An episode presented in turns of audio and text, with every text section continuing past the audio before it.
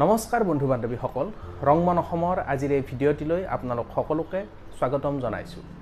আজি আঠ মাৰ্চ আন্তৰ্জাতিক নাৰী দিৱস। গতিকে আজিৰ এই বিশেষ দিনটোৰ লগত সংগতি ৰাখি ভাৰতবৰ্ষত এতিয়ালৈকে মহিলাসকলৰ উন্নতিৰ নিমিত্তে কি কি পদক্ষেপ হাতত লোৱা হৈছে এই সম্পৰ্কে কিছু কথা আলোচনা কৰিম। গতিকে ফ্ৰেণ্ডছ আহক আজিৰ ভিডিঅ'টো আমি আৰম্ভ কৰোঁ।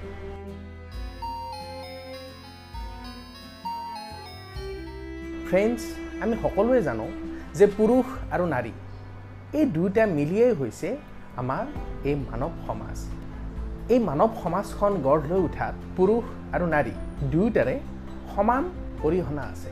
কিন্তু ইয়াৰ পিছতো যেন আমি দেখা পাওঁ যে অতীজৰে পৰা বৰ্তমানলৈকে নানান ক্ষেত্ৰত নাৰীসকল অৱহেলিত অপমানিত আৰু পুৰুষৰ তুলনাত সদায় পিছ পৰি আহিবলগীয়া হৈছে। গতিকে এই অতীজৰে পৰা নাৰীসকলৰ ওপৰত চলি অহা নানান শোষণ বঞ্চনা ইত্যাদিৰ প্ৰতিবাদ এই নাৰী সমাজে লাহে লাহে কৰিবলৈ আৰম্ভ কৰিলে। উদাহৰণস্বৰূপে ওঠৰশ সাতাৱন্ন চনত আমেৰিকাত যি কাপোৰৰ কাৰখানা আছে সেই কাপোৰৰ কাৰখানাত যি মহিলাসকলে কাম কৰিছিল তেখেতসকলক পুৰুষতকৈ কম মজুৰি দিয়া হৈছিল আৰু অতি অস্বাস্থ্যকৰ পৰিৱেশত তেখেতসকলক কামত খটুওৱা হৈছিল। ইয়াৰ প্ৰতিবাদত প্ৰথমতে সেই কাৰখানাত কাম কৰা নাৰীসকলে আন্দোলন কৰিলে।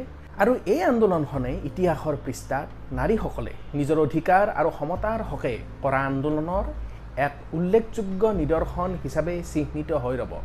আৰু ইয়াৰ পিছতো ঊনৈছশ আঠ চনত আমেৰিকাৰ নাৰী সমাজে তেখেতসকলৰ অধিকাৰৰ হকে এখন নাৰী সন্মিলনী অনুষ্ঠিত কৰিছিল আৰু ইয়াৰ নেতৃত্বৰ ভাৰ দিয়া হৈছিল ক্লাৰা জেটকিন নামৰ এগৰাকী মহিলাক ইয়াৰ পিছত ঊনৈছশ দহ চনত পুনৰ এই নাৰী সন্মিলনীৰ অধিৱেশন পুনৰ দ্বিতীয়বাৰৰ কাৰণে অনুষ্ঠিত হৈছিল আৰু ইয়াতেই এটা দিৱস সমগ্ৰ নাৰীৰ কাৰণে উদযাপন কৰাৰ নিমিত্তে নিৰ্ধাৰণ কৰা হৈছিল আৰু ঊনৈছশ পঁয়সত্তৰ চনত ৰাষ্ট্ৰসংঘই ইয়াক স্বীকৃতি দিয়ে আৰু তেতিয়াৰ পৰাই আঠ মাৰ্চ তাৰিখটোক আন্তৰ্জাতিক নাৰী দিৱস হিচাপে সমগ্ৰ বিশ্বই পালন কৰি আহিছে।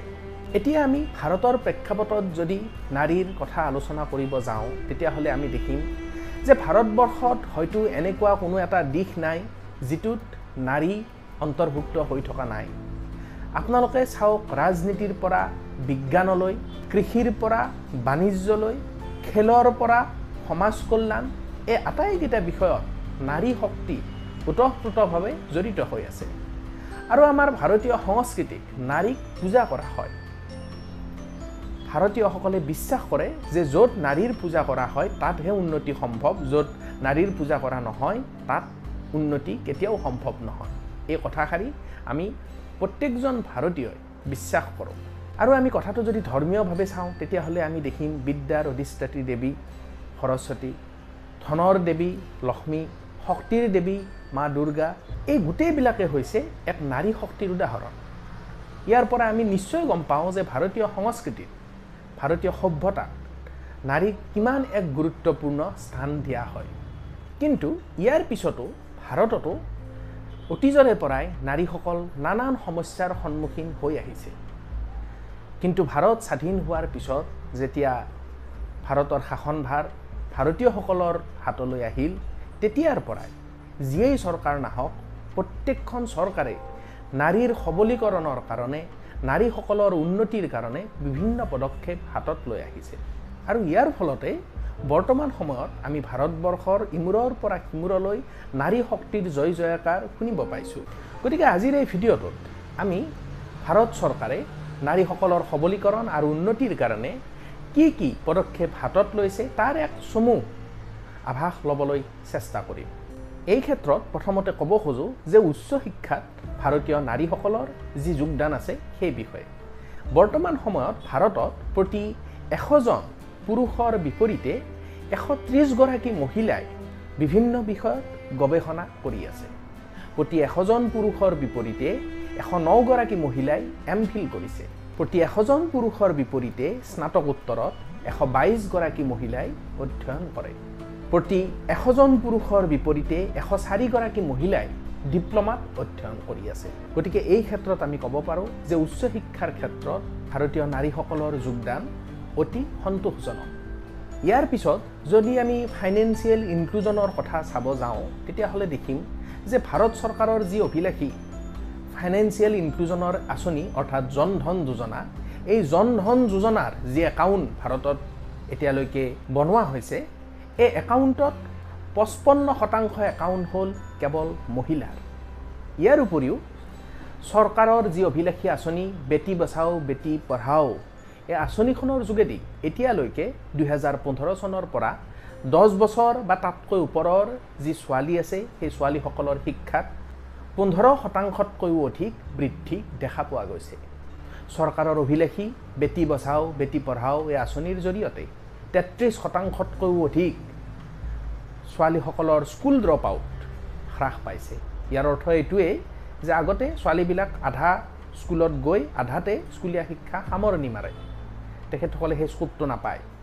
কিন্তু এই আঁচনিখনৰ ফলত কি হৈছে? তেত্ৰিছ শতাংশতকৈও অধিক স্কুল ড্ৰপ আউট এই ছোৱালীসকলৰ ক্ষেত্ৰত হ্ৰাস পাইছে। আৰু এডমিশ্যন যিটো হয় ছোৱালীৰ যিটো স্কুলত নামভৰ্তি এই নামভৰ্তিটো অভাৱনীয় হাৰত বৃদ্ধি পাইছে। ইয়াৰ পিছত ভাৰত চৰকাৰৰ অন্য এখন আঁচনি হৈছে সুকন্যা সমৃদ্ধি যোজনা।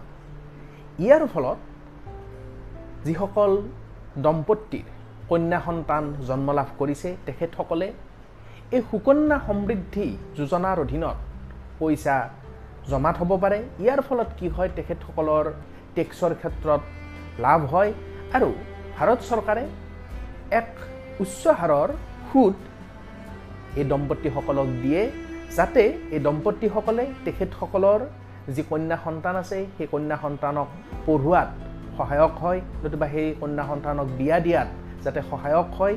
গতিকে ইয়াৰ ফলত এই দম্পতীসকল যথেষ্ট পৰিমাণে লাভৱান হ'বলৈ সক্ষম হৈছে।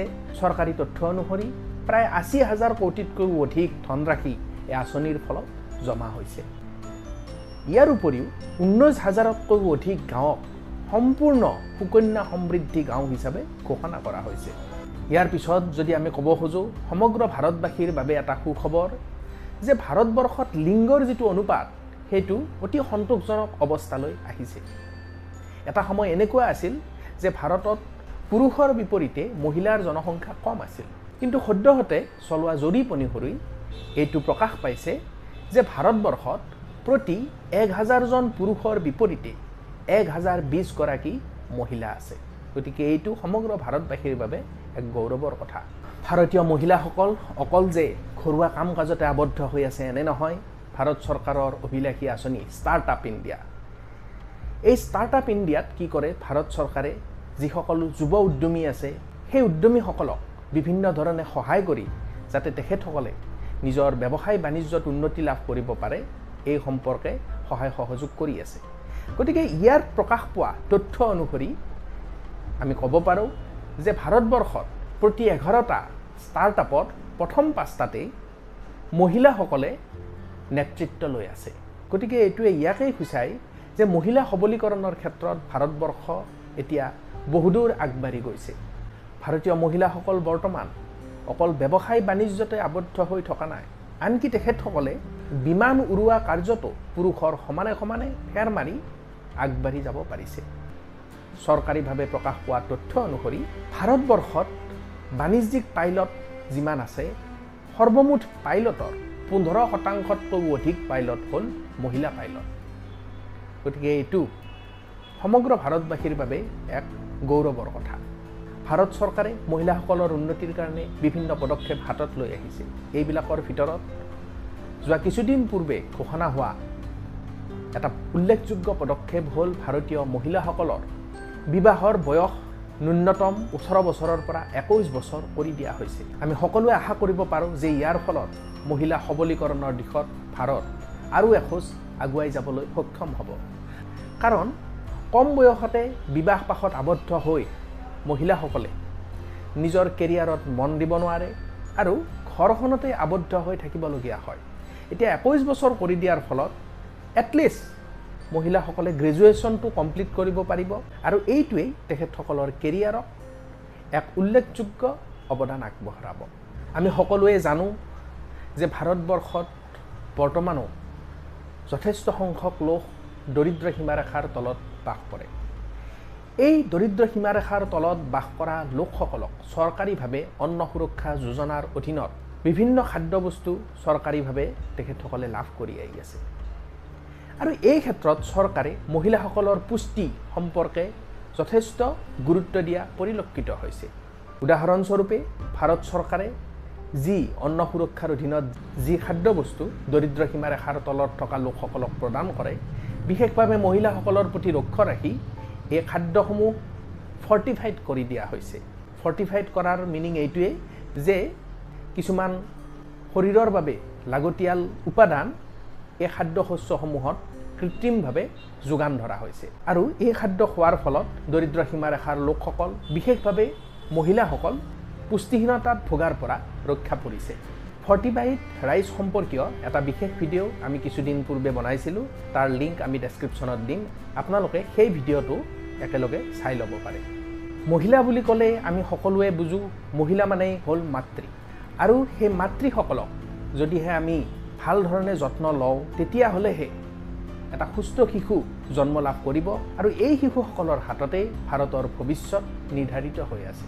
গতিকে এই ক্ষেত্ৰত আমি গৰ্ভৱতী আৰু স্তনপান কৰোৱা মাতৃসকলৰ পুষ্টিৰ বিষয়ে বিশেষভাৱে গুৰুত্ব দিব লাগিব। ইয়াৰ বাবে ভাৰত চৰকাৰে মাতৃবন্দনা আঁচনিৰ যোগেদি গৰ্ভৱতী আৰু স্তনপান কৰোৱা মাতৃসকলক আৰ্থিকভাৱে সাহাৰ্য দিয়াৰ ব্যৱস্থা কৰিছে আৰু ইয়াৰ ফল কোটি কোটি ভাৰতীয় মাতৃয়ে লাভ কৰিবলৈ সক্ষম হৈছে।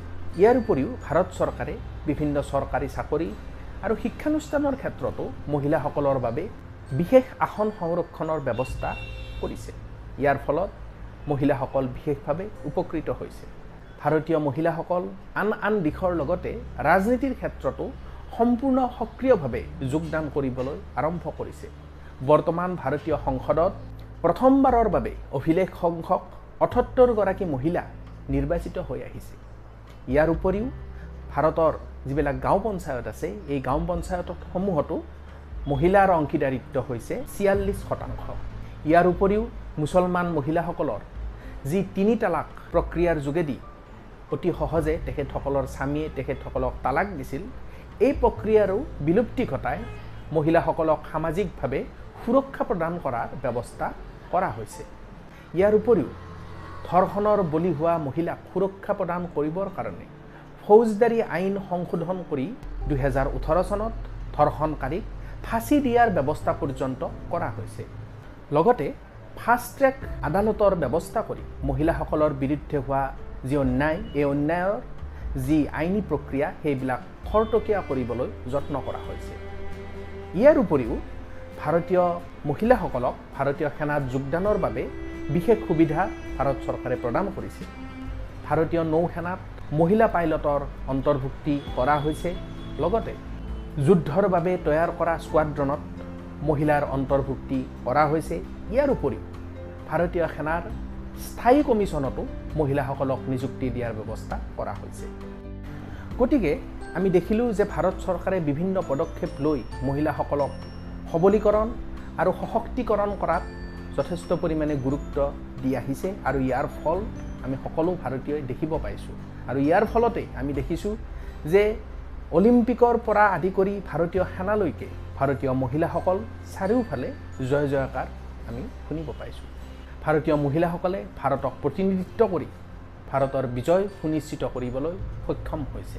ইয়াৰ উপৰিও আমি ক'ব খোজোঁ যে যদিও ভাৰত চৰকাৰে যথেষ্টখিনি পদক্ষেপ মহিলাসকলক সবলীকৰণ কৰাৰ ক্ষেত্ৰত লৈ আহিছে আৰু ইয়াৰ ফল আমি দেখিবলৈও পাইছোঁ তথাপিও আৰু অধিক কাম কৰিব এতিয়াও বাকী আছে। আমি এটা কথাত মনোযোগ দিব লাগিব যে মহিলাসকলক সবলীকৰণ কৰিবলৈ হ'লে প্ৰথমতে আমি তেখেতসকলক অৰ্থনৈতিকভাৱে স্বাধীনতা দিব লাগিব। দ্বিতীয়তে সামাজিকভাৱে তেখেতসকলক আমি স্বীকৃতি দিব লাগিব।